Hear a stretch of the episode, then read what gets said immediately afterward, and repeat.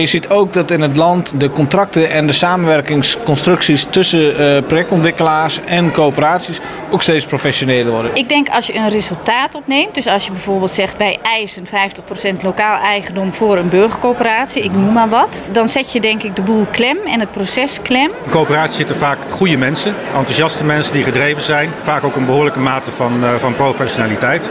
Maar wat niet altijd aanwezig is, is uh, specifieke kennis voor dit soort projecten.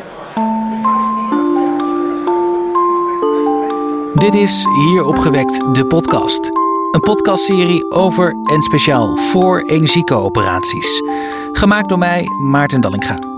Misschien heb je mij eind november wel gezien bij het evenement Hier opgewekt. Daar verzamelde ik heel veel interessante ervaringen, opvattingen en tips. En die hoor je terug in deze serie. Aflevering 3. Samenwerking. Uh, ik ben Arthur Vermeulen. Uh, ik werk bij Pure Energie. Uh, wij maken stroom en dat doen we met windmolens en met zonnepanelen. Ik praat met Arthur over de samenwerking tussen projectontwikkelaar Pure Energie en lokale energiecoöperaties. Nou, we, spraken elkaar vorig jaar ook even en uh, toen heb ik wat verteld over onze strategie, over samenwerken. En uh, ja, wat we doen is dat wij bij nieuwe projecten streven naar een, een, gelijkwaardige samenwerking met energiecoöperaties. En die gelijkwaardigheid die uit zich in de gelijke belangenverhouding, dus 50-50. Maar wat ik zelf nog veel belangrijker vind, is gelijkwaardigheid in ondernemersrol. Dus we zitten echt in een, ja, met, met jargon joint development. Waarbij we samen de ondernemer zijn in een nieuw te ontwikkelen wind- of zonne-energieproject. En ja, we hebben afgelopen jaar een aantal deals gemaakt met coöperaties waarbij we dat op die manier nu aan het uitvoeren zijn. En er zitten nog een paar aan te komen. Kun je een voorbeeld geven? Een voorbeeld is uh, AGEM, Achterhoekse Groene Energiemaatschappij, met wie we een aantal specifieke locaties hebben aangewezen waar we, waar we samen windparken gaan ontwikkelen. Een uh, ander voorbeeld is Burenenergie in Twente, waar we samen een windpark ontwikkelen. AGEM is meer een, een, een, een samenwerkingsverband van kleinere coöperaties in, dat zie je vaker. in de regio Achterhoek. Ja. En Burenenergie in Twente is een uh, coöperatie die expliciet voor dat ene project is uh, opgericht vanuit een wat meer algemene energiecoöperatie in Borne. Ja. En er zitten ja, komende weken nog een, nog een paar handtekeningen aan te komen met andere coöperaties. En dit is Siewart Zomer. Je ziet ook dat in het land de contracten en de samenwerkingsconstructies tussen uh, projectontwikkelaars en coöperaties ook steeds professioneler worden. Er worden steeds meer op gelijke mate samengewerkt en een vorm van gelijkwaardigheid waar de lokale coöperatie heel professioneel de communicatie doet en de, het creëren van draagvlak en participatie. En de projectontwikkelaars, ja, die hebben al eens een keer eerder een molen gekocht, dus die weten precies hoe ze moeten onderhandelen. Die hebben al eens eerder zo'n groot infrastructuurproject voorbereid, dus die hebben daar de juiste mensen voor. Dus dat past dan ook weer goed in elkaar. Ik ben nu coöperatief directeur van Energie Samen. Vorig jaar was ik directeur van Ode Decentraal. Uh, dit jaar heeft er een samenvoeging van allemaal landelijke coöperaties plaatsgevonden. En dat is uh, Energie Samen geworden. Bij wind- en zonprojecten op land is 50% eigendom van de lokale omgeving het streven. Dat staat in het klimaatakkoord. Ik sprak daar vorig jaar ook met Siewart over. Kan ik net zo goed het interview van vorig jaar laten horen? Of is er toch wel heel veel gebeurd in de tussentijd? Ja, er is heel veel gebeurd. Dus uh, vorig jaar stond het net gloednieuw in het klimaatakkoord. Toen dacht iedereen van, nou goed, uh, wat zou dat betekenen? We wisten wel dat het iets met uh, participatie te maken heeft. En je ziet nu dat het afgelopen jaar het echt lokaal geland is. Dat het zelfs in kleine lokale suffertjes komt te staan. Dat staat van, het klimaatakkoord is getekend. Maar ook de omgeving moet en kan meedoen. Uh, in die energietransitie. En uh, je ziet alle gemeenteraadsleden het in beleidskaders opnemen. Ja. Dus uh, het land echt lokaal. En je ziet ook echt de energiecoöperaties, die maken zich er ook klaar voor. Die, die realiseren dat ze zich nu moeten professionaliseren. Dat ze mensen in dienst moeten gaan nemen om ook die doelstelling te halen. Er wordt volop mee aan de slag gegaan. Er zijn ook nog knelpunten. Wat gaat er minder goed? Een landelijk uh, ontwikkelfonds voor energiecoöperaties is nu opgezet. Die moeten we zorgen dat het geld bij die energiecoöperaties komt. Ja, en dat vergt gewoon heel veel organisatie en uh, samenwerking en uh, ja, contracten maken. Dus al die, al die details die moeten nu uitgewerkt worden. En dat, zijn, ja, dat duurt wat langer dan ik had willen. ik had vorig jaar al echt volle bak eraan de werking. Ja, je bent ongeduldig. Ik ben ongeduldig. Wat is jouw rol daar dan in? Nou, mijn rol is, ik doe twee dingen. Ik doe uh, belangenbehartiging namens alle energiecoöperaties. Dus ik moet zorgen dat het tempo erin blijft en die maatregelen die er gemaakt zijn en die nog ehm, ja, beter kunnen. aan de andere kant help ik energiecoöperaties bij het opzetten van een coöperatie en in de projectontwikkeling. En die twee vullen elkaar perfect aan, want als ik met de voet in de klei sta, weet ik ook precies waarvoor ik moet lobbyen op landelijk niveau. 50% lokaal eigendom, dat heeft al heel veel beleidsstukken dus gehaald van uh, gemeenten. Uh, maar gebeurt er in de praktijk al voldoende? Doen gemeenten voldoende? Weten ze wat ze moeten doen? Hebben ze voldoende ogen voor de energiecoöperaties?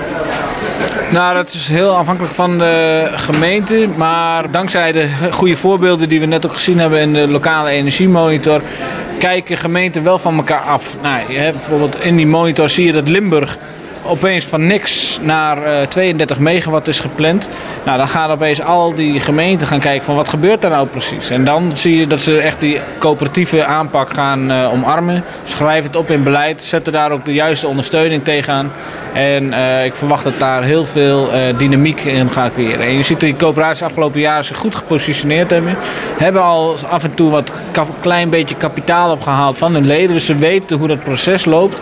Nou, als je 100.000 ophaalt, heb je hetzelfde proces nodig als dat je een miljoen op moet halen van je leden. Het is allemaal hetzelfde. We hebben een landelijk eh, administratiesysteem opgebouwd, Econobus, waar het ook allemaal geautomatiseerd kan worden. Dus we zijn op het afgelopen jaar heel erg bezig geweest om die achtergrond, hetgene wat je nog niet ziet, in te, in te regelen. En dus al die leden, ja, die kunnen via als lidmaatschap van Energie Samen, kunnen ze gebruik maken van dat administratiesysteem. En ja, dan gaat alles toch geautomatiseerd. Het gaat allemaal sneller. Gaat allemaal, alles is al een keer bedacht. Dus um, ja. ja, en we kunnen goed van, van elkaar leren. Ook met Jenny Tissing, die zich bij Energie Samen bezighoudt met de regionale energiestrategieën, spreek ik over de rol van gemeenten. Nou, ik zie gebeuren dat heel veel gemeentes ook zo zitten te stoeien. Dus dat zij wel dat klimaatakkoord in die teksten omarmen, maar eigenlijk niet zo goed weten hoe ze dat nou in hun lokale beleid moeten vastleggen. De ene gemeente is daar heel goed in en heel vooruitstrevend en die zegt we gaan er gewoon voor. En de andere gemeente die vindt het spannend of die heeft er eigenlijk gewoon nog niet zoveel ervaring mee. En, uh, ja, en die stellen dan eigenlijk ook vaak de vraag: hoe moeten we dit dan doen? En wat, en wat, wat zeg je dan? Zorgen. Dan zeg ik, praat met je, burger, met je energiecoöperatie en met je omgeving. En kijk wat daar speelt en waar zij behoefte aan hebben. En ga ook geen resultaat afspreken, want het gaat niet om het resultaat. Het gaat volgens mij om een goed proces. Maar er wordt ook wel gezegd, ja, we moeten toe naar 50% lokaal eigendom. Dat is wel de wens vanuit de landelijke overheid. Dus dan is het op zich nog niet heel gek als je het opneemt in je lokale beleid. Uh, ja, dus dat kan je ook opnemen. Maar als je kijkt naar de tekst in het klimaatakkoord, dat we, staat dat we streven naar 50% lokaal eigendom. En de achterliggende gedachte daarbij is, is dat je met per project en met je omgeving bepaalt hoe vijf, wat 50% lokaal eigendom eigenlijk is. Want er zijn heel veel manieren om dat in te vullen. Dus je kan niet op voorhand zeggen hoe 50% lokaal eigendom er eigenlijk uitziet. Denk aan, doet de grondeigenaar zelf ook mee of niet mee? Want dit is ook een lokale partij. Hoe is die energiecoöperatie? Op wat voor manier is die aangehaakt? Hoe haalt hij zijn kapitaal binnen? Dus je kan in heel veel samenstellingen werken aan 50% lokaal eigendom. En het gaat erom dat al die partijen vanaf het begin af aan op tafel zitten en met elkaar ehm, bedenken hoe zij dat nou het beste willen doen. En wat is het risico van iets opnemen in je beleid over hoe groot het aandeel lokaal eigendom moet zijn? Ik denk als je een resultaat opneemt, dus als je bijvoorbeeld zegt wij eisen 50% lokaal eigendom voor een burgercoöperatie, ik noem maar wat, dan zet je denk ik de boel klem en het proces klem. En dan gaan mensen, um, denk ik, niet meer met elkaar praten. Want in zo'n geval bijvoorbeeld zou zo'n burgercoöperatie zeggen: Ik eis 50%, want het staat in het beleid. En beste ontwikkelaar of grondeigenaar, je moet het maar mogelijk maken. En dan heb je geen open gezamenlijk traject meer. Terwijl dat juist zo belangrijk is. Terug naar Arthur Vermeulen van Pure Energie. De inzet is er steeds gelijkwaardigheid, dus allebei 50% eh, deelname aan het project. Uh, sluit je daarmee ook niet uh, gelijk ook uh, bepaalde coöperaties uit die misschien minder professioneel zijn of minder groot? Dat is wel een thema wat je, wat je aansnijdt. in coöperaties zitten vaak goede mensen, enthousiaste mensen die gedreven zijn.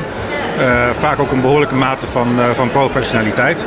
Maar wat niet altijd aanwezig is, is specifieke kennis voor dit soort projecten. Het zijn vaak vrijwilligers, dus ook niet altijd genoeg tijd om vol op die projecten te gaan. En een belangrijke is geld. En nou, je ziet nou wel een beweging dat in steeds meer regio's uh, lokale overheden uh, potjes geld ter beschikking stellen. Uh, waar coöperaties geld uit kunnen lenen om de projectontwikkeling te financieren. En dat is heel belangrijk, dat kun je niet bij een bank halen, want ja, het risicoprofiel daarvan is voor een bank veel te hoog. En dan kun je bouwen aan een professioneel bureau. En dan kun je bouwen aan een professioneel bureau en je kunt bouwen aan een project. Hè, want de ontwikkeling van een wind- en zonneproject ja, kost uh, honderdduizenden euro's in de voorfase. En dat geld moet je uitgeven voordat het project er is. En, en dat is nog niet het grootste probleem. Het grootste probleem is dat je het geld moet uitgeven voordat je zeker weet dat het project komt. Dus je weet nog niet zeker of je het uh, terug kunt verdienen. Nou, dat betekent dat er een hoog risicoprofiel aan het geld hangt. En het is vaak voor coöperaties moeilijk om dat, uh, dat op te hoesten, omdat het ja, beginnende organisaties zijn. Het is dus belangrijk om als energiecoöperatie te blijven professionaliseren. Siewart Zomer van Energie Samen geeft een praktijkvoorbeeld. Ja, je ziet bijvoorbeeld in uh, Limburg, daar zijn ze echt midden in die ontwikkeling. Daar hebben ze één molen twee jaar geleden gebouwd. Die hebben nu in twee jaar tijd, wat ongekend is in Nederland, twee andere molens gebouwd. Met, van idee tot vergunning tot bouw. Betuwe Wind, eh, exact hetzelfde verhaal. De molensgebouw, daar komt het geld binnen en die gaan dan nu een bedrijfsbureau onder een organisatie zetten om echt uh, bestuur en uitvoering te splitsen en mensen echt aan het werk te zetten. Ja.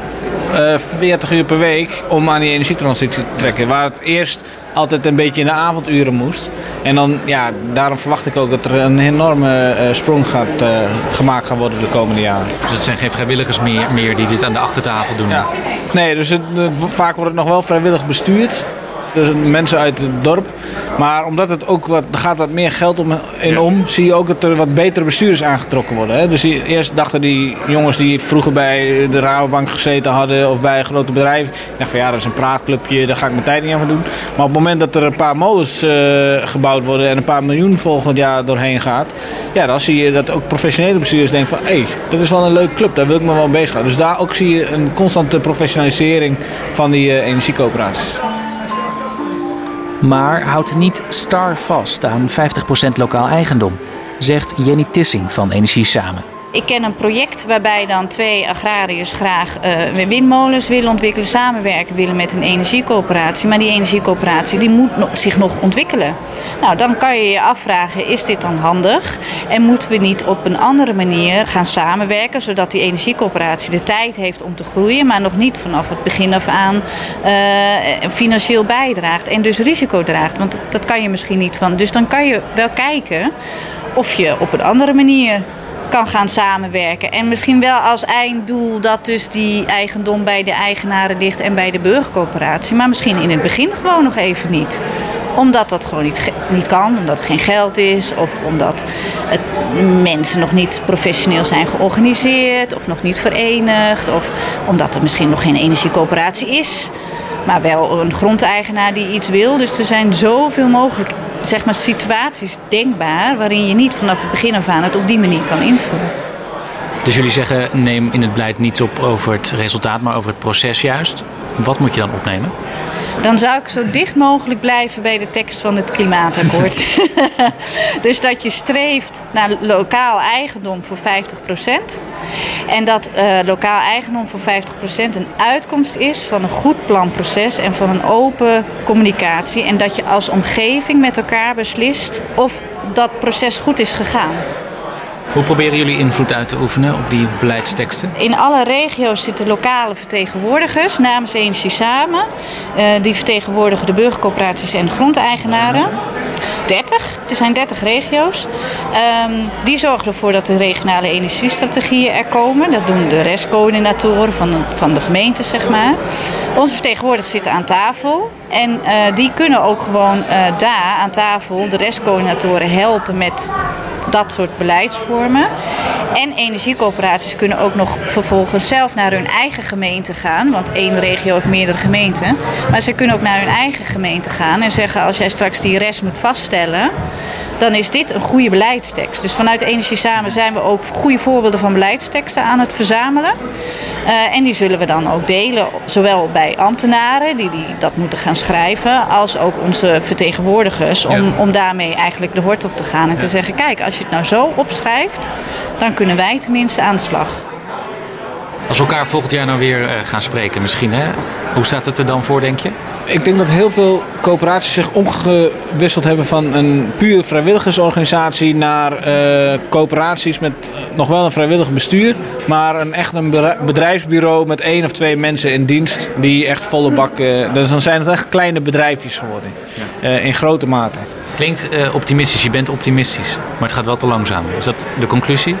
Ik ben altijd optimistisch, maar ik word ook gewoon vrolijk als ik zie hoeveel energie er in zo'n sector zit en hoeveel hard mensen eraan trekken. Dat, dit kan niet fout gaan. Uh, misschien dat er één coöperatie of een bestuurder stopt, maar dit is zo'n dynamiek wat hier uh, gecreëerd is. Dit kan alleen maar groeien. Deze mensen stoppen niet. Hè, er trekt altijd weer nieuwe mensen aan.